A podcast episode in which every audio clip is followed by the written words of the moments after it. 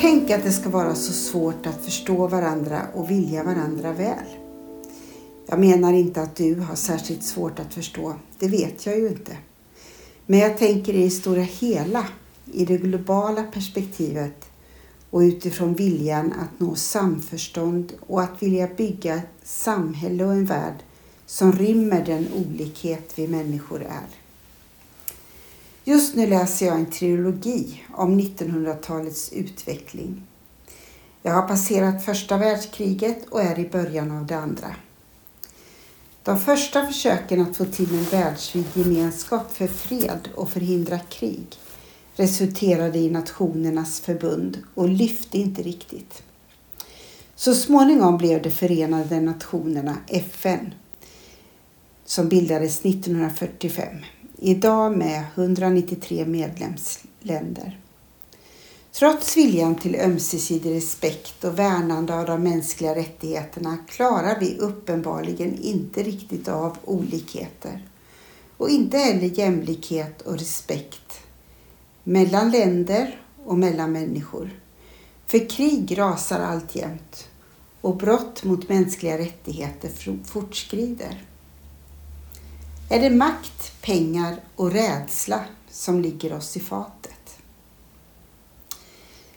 Ekumeniakyrkan må vara en droppe i det världsvida och samtidigt börjar varje förändring med den förändring vi kan vara just där vi är, där vi står, där vi lever.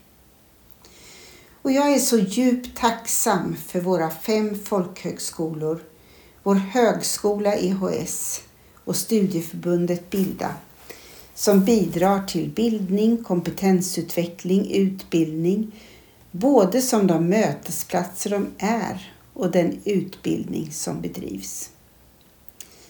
De är skydd och utveckling av demokrati bara genom att finnas.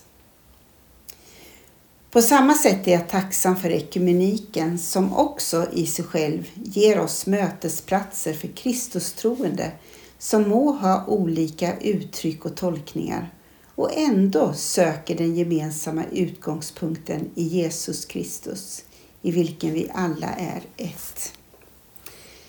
Låt oss aldrig förringa mötesplatser där olikheter ryms. Nej, tvärtom. Låt oss söka den som inte är som jag och nyfiket fråga hur andra tänker, tror och förstår världen. Där ligger ett frö till fred. Där ligger en grogrund för samförstånd i världen och där kan jämlikhet och rättvisa gro.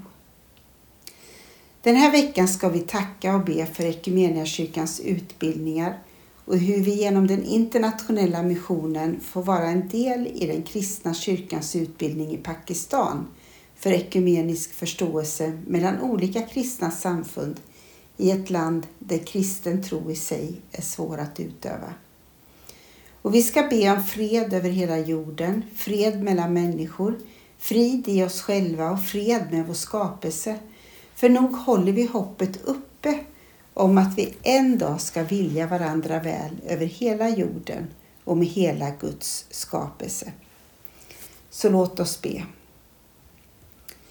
Tack Gud för de sammanhang som finns i Equmeniakyrkan kring bildning, folkbildning och demokratistärkande mötesplatser.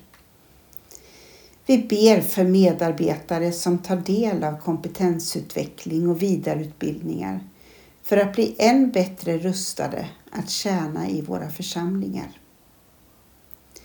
Jesus Kristus, vi ber för Pakistan.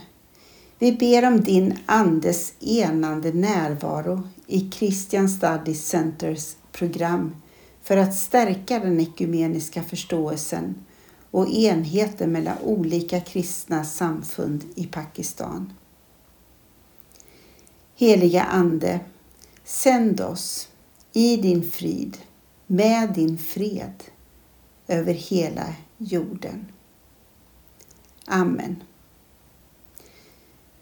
så önskar jag dig Guds välsignelse över din dag och din vecka och må freden vara med dig. Hej då!